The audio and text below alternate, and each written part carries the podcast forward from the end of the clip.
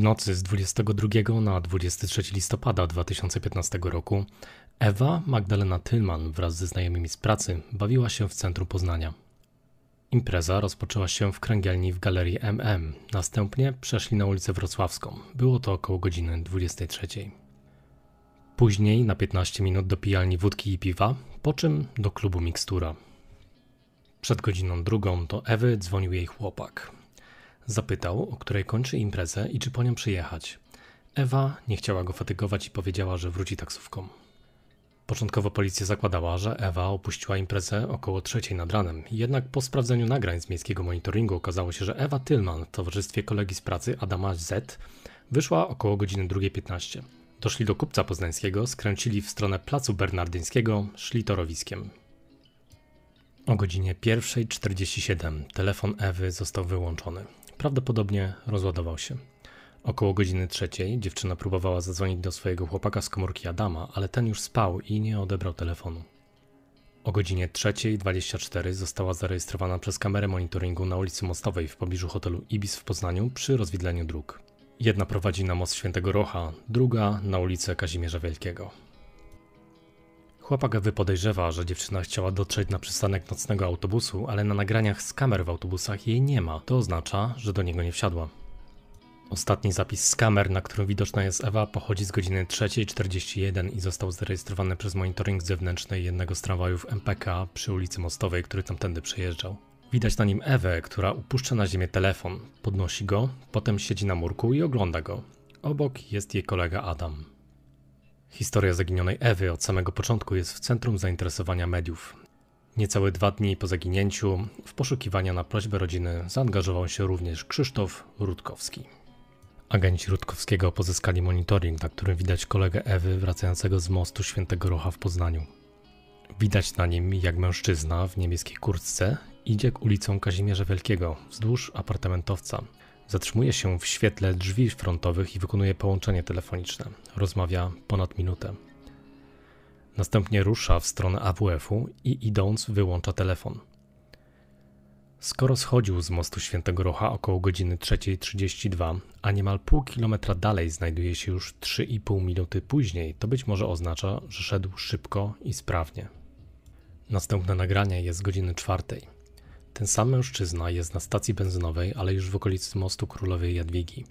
Niestety jest sam i zachowuje się bardzo nerwowo. Stąd wykonał też następne połączenie telefoniczne.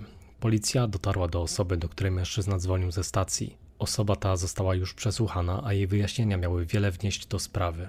Z informacji przekazanych przez Rutkowskiego na konferencji prasowej wynika też, że mężczyzna ze stacji benzynowej udał się na rondo Rataje, gdzie przebywał od 4.25 do 4.55. Dopiero stamtąd wrócił do mieszkania na Wildze, co potwierdziła jego siostra. W tej chwili nie wiadomo, z kim mężczyzna rozmawiał przez telefon i w jakim celu udał się na rondo Rataje.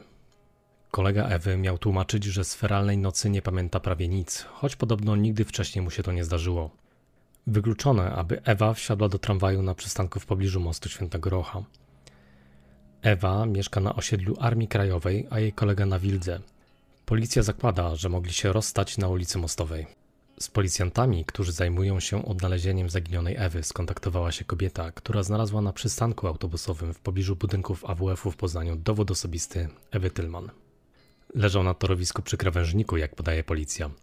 Zupełnie inną wersję wydarzeń przedstawił Rutkowski, który twierdzi, że dokument został położony na ławce celowo, tak aby ktoś go zobaczył.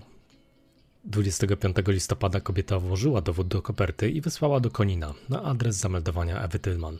26 listopada kobieta zorientowała się, że należy on do zaginionej 26-latki, o czym poinformowała policję.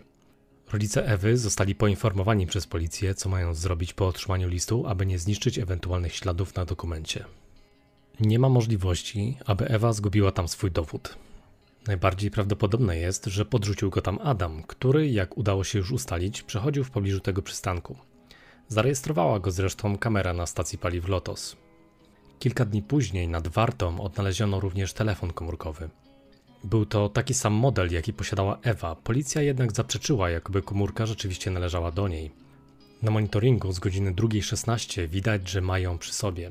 Po torebce, telefonie i innych dokumentach nie ma śladu. Znalezienie dowodu osobistego na przystanku przy ulicy Królowej Jadwigi otworzyło nowe możliwości.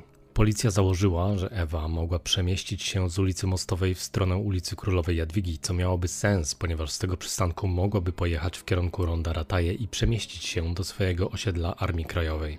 Policja zabezpieczyła nagrania z miejskiego monitoringu w okolicach przystanku, a także nagrania z kamer tramwajowych.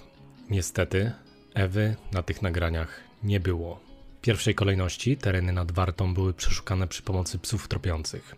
Do poszukiwań policja zaangażowała też helikopter i motorówki. Przeszukiwano brzegi Warty, podejrzewając, że dziewczyna mogła wpaść do rzeki, ale nie trafiono na żaden ślad.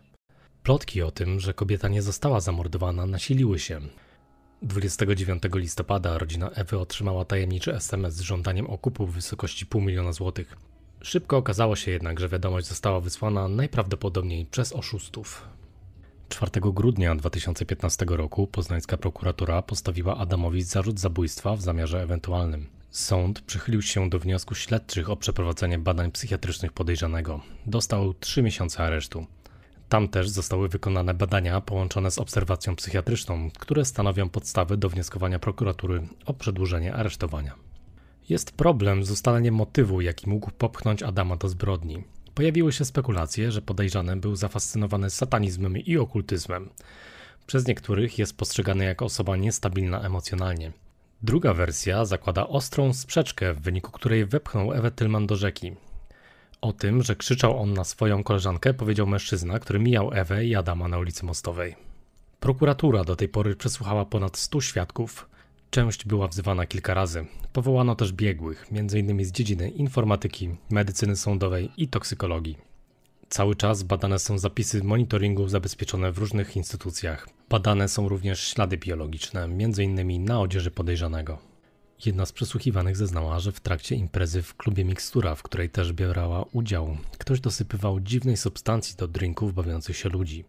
Zdradziła też, że w klubie Adama i Ewę kilka razy zaczepiało dwóch nieznajomych mężczyzn. Dodatkowo przesłuchiwana kobieta miała powiedzieć, że z feralnej nocy również niewiele pamięta. Następnie w sprawie zaginięcia na policję zgłosił się tajemniczy świadek. Jak się później okazało, była to Karolina K., Kobieta zeznała, że w nocy z 22 na 23 listopada, kiedy zaginęła Ewa Tylman, widziała jej kolegę Adama wrzucającego coś ciężkiego do warty. Nie miała wątpliwości, że to właśnie Adam, bo rozpoznała go po wzroście, sylwetce, a w końcu charakterystycznej kurtce. Po przeprowadzeniu eksperymentu śledczego policja miała pewne wątpliwości co do prawdziwości złożonych przez nią zeznań. Kobieta wyjaśniła, że do złożenia fałszywych zeznań namówił ją współpracownik Rutkowskiego. Za zgłoszenie się na policję miała dostać 1000 zł, a potem jeszcze kilka tysięcy. Karolina zeznała, że spotkała się z Radosławem B 24 listopada, ale tego dnia Radosław przebywał w Niemczech. Jak poinformował Rutkowski, próbowano zarzucić mu, że brał udział w porwaniu Ewy ponieważ tamtej nocy z 22 na 23 listopada przejeżdżał obwodnicą Poznania, kierując się w stronę Niemiec. Radosław, bliski współpracownik Rutkowskiego, został aresztowany przez poznańską prokuraturę na początku grudnia. Zarzucano mu nakłanianie świadka do złożenia fałszywych zeznań. 22 grudnia zwolniono go z aresztu, ponieważ nie znaleziono żadnego potwierdzenia tej tezy. Podczas konferencji prasowej Rutkowski wyjawił jednak prawdziwy, jego zdaniem, powód aresztowania jego współpracownika. Stwierdził, że ktoś z osób decyzyjnych chciał dowieść, że za granicę mógł wyjechać tylko telefon Radka, a on rzekomo uczestniczył w uprowadzeniu Ewy. Nikt nie zdecydował się na sprawdzenie tego wraz z niemieckimi policjantami w ramach współpracy Schengen, ponieważ nie pasowało to do z góry założonej tezy, że 24 listopada Radosław miał być w Poznaniu i nakłaniać Karolinę do złożenia absurdalnych zeznań. 28 listopada podczas poszukiwania ciała Ewy z warty została wyłowiona odcięta ręka. Jednak nie należała ona do Ewy, tylko do bezdomnego mężczyzny. Ustalono natomiast, że część ciała została odpiłowana. Wiadomo również, że mężczyzna, którego pozbawiono ręki, już wtedy nie żył. Do dzisiaj nie odnaleziono jednak zwłok bezdomnego. W połowie stycznia brat zaginionej przeprowadził zbiórkę pieniężną na przeprowadzenie poszukiwań ciała dziewczyny. W ciągu kilku dni udało mu się zebrać potrzebną sumę 32 tysięcy złotych na przeszukanie warty. Dno rzeki na ponad 250-kilometrowym odcinku przeszukiwali płetwonurkowie z wykorzystywaniem najnowocześniejszego sprzętu do analizy hydrograficznej z grupy specjalistów płetwonurkowych RP. Zbadano szereg miejsc, które uprzednio dokładnie przeanalizowano na mapie sonaru holowanego, a następnie sprawdzono sonarem punktowym. Pod koniec stycznia na wartę wrócili policjanci. Funkcjonariusze patrolowali rzekę pomiędzy Poznaniem a obornikami. Sprawdzali miejsca, w których jest największa szansa, że ciało mogłoby wypłynąć. 20 lutego odkryto zwłoki nieznanej osoby leżące przy warcie na terenie Rogalińskiego Parku Krajobrazowego, około 30 km na południe od mostu Świętego Rocha, gdzie ostatni raz widziano Ewę. Od początku jednak można było przypuszczać, że nie jest to ciało poszukiwanej od 70 dni kobiety. Trudno byłoby bowiem przypuszczać, by płynęło pod prąd. Ciało mężczyzny odnaleziono w głębi parku. Natrafił na nie w lesie około Mosiny jeden ze spacerowiczów.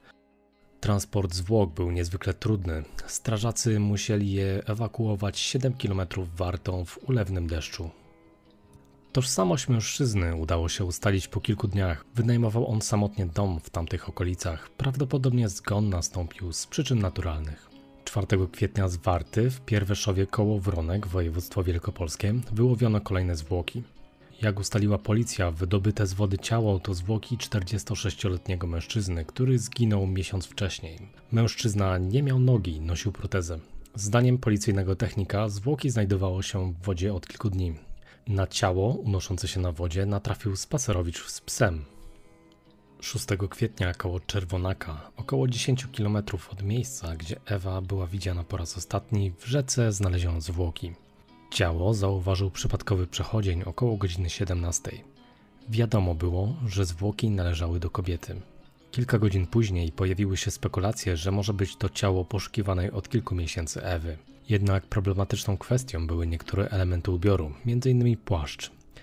Ciało było w czarnym, podczas gdy Ewa podczas zginięcia miała na sobie szary. Ciało było w bardzo złym stanie i konieczne było przeprowadzenie badań DNA. Późnym wieczorem pojawiły się pierwsze informacje, że znaleziono ciało nie należy jednak do Ewy. Przypuszczano też, że mogą być to zwłoki poszukiwanej od 4 marca 41-letniej Darii Derekowskiej. Od momentu zaginięcia młodej kobiety minęło 8 miesięcy, w trakcie których szukali jej policjanci Krzysztof Rutkowski, a nawet sami poznaniacy. Poniedziałek 25 lipca 2016 roku z Warty w Czerwonaku wyłowiono zwłoki młodej kobiety. Wiele wskazywało na to, że jest to ciało Ewy Tylman. Zwłoki zostały zauważone przez przypadkową osobę, która przechodziła nad Wartą. W nocy z poniedziałku na wtorek przy okazji przetransportowywania zwłok z nadwarty do prosektorium doszło do skandalu. Pracownicy firmy pogrzebowej robili sobie zdjęcia z ciałem. Policja zabezpieczyła telefony pracowników, natomiast powody takiego zachowania były nieznane. Zarząd firmy pogrzebowej w oficjalnym oświadczeniu przeprosił rodzinę zmarłej za zachowanie, którego dopuściły się osoby przewożące ciało do prosektorium. Niestety nie udało się ustalić przyczyny zgonu ze względu na to, że ciało znajdowało się w stanie zaawansowanego rozkładu. Nie ustalono też w 100% tożsamości, jednak z bardzo dużą dozą prawdopodobieństwa można było stwierdzić, że są to zwłoki Ewy Tylman. Odzież odpowiadała tej, w którą była ubrana w dniu zaginięcia. Znaleziono też kartę płatniczą wystawioną na Ewę Tylman. 1 sierpnia 2016 roku poszukiwania Ewy zostały oficjalnie zakończone. Prokuratura poinformowała, że zwłoki znalezione w Warcie to ciało zaginionej 26-latki. Wszelkie wątpliwości rozwiały badania DNA. Ewa Tylman została pochowana w rodzinnym Koninie 6 sierpnia 2016 roku. Pogrzeb został zaplanowany na godzinę 11. Ostatnie pożegnanie rozpoczęło się mszą świętą w kościele pod wezwaniem świętego Wojciecha w Koninie. Następnie ciało zostało odprowadzone do grobu na cmentarzu komunalnym przy ulicy Staromorzysławskiej. Przez cały ten czas Adam Z., któremu prokuratura postawiła zarzut usiłowania zabójstwa w zamiarze ewentualnym, przebywał w areszcie. Pod koniec maja Sąd Okręgowy w Poznaniu po raz drugi przedłużył Adamowi tymczasowy areszt. Swoją decyzję tłumaczył w następujący sposób.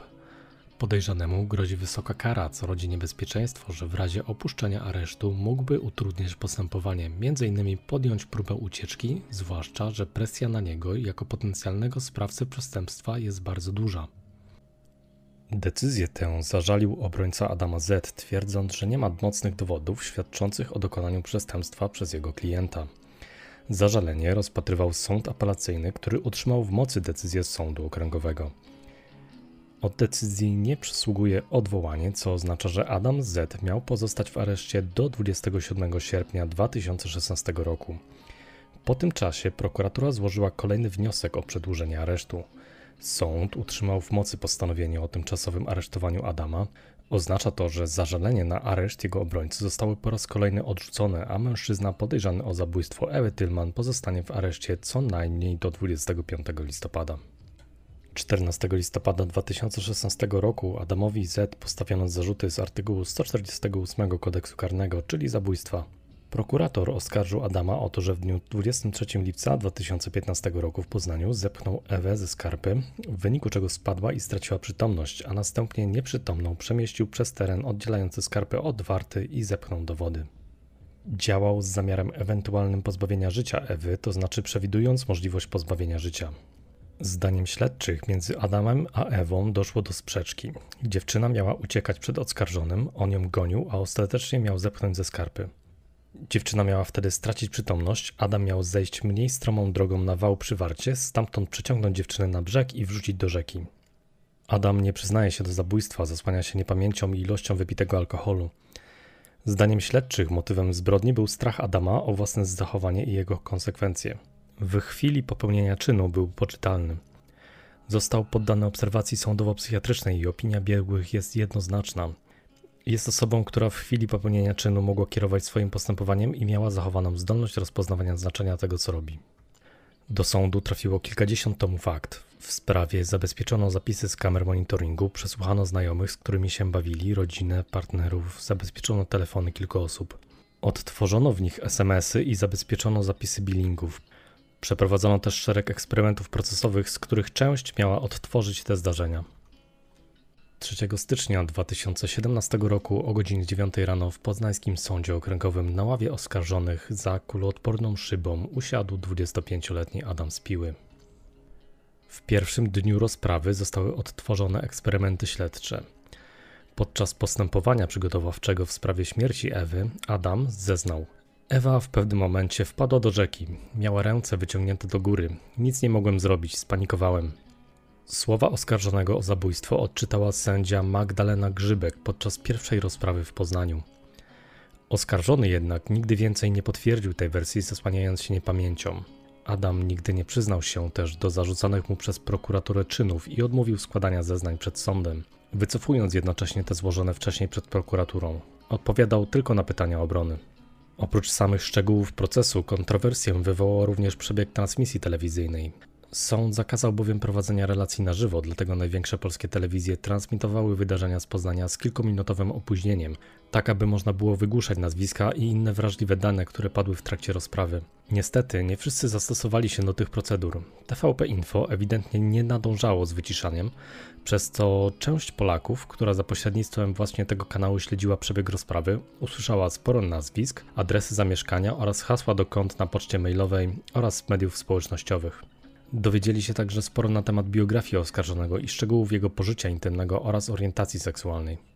Następna rozprawa odbyła się 17 stycznia 2017 roku. Proces miał charakter poszlakowy, gdyż nie ma żadnego świadka ani dowodu, który jasno wskazywałby przyczynę śmierci 26-latki. Niestety sekcja odnalezionych po prawie roku zwłok także nie wykazała bezpośrednich przyczyn śmierci dziewczyny. Z aktu oskarżenia wynika, że sekcja nie wykazała żadnych obrażeń zewnętrznych ani złamań. Prokuratura natomiast wierzy w winę Adama na podstawie zeznań policjantów i wyników śledztwa.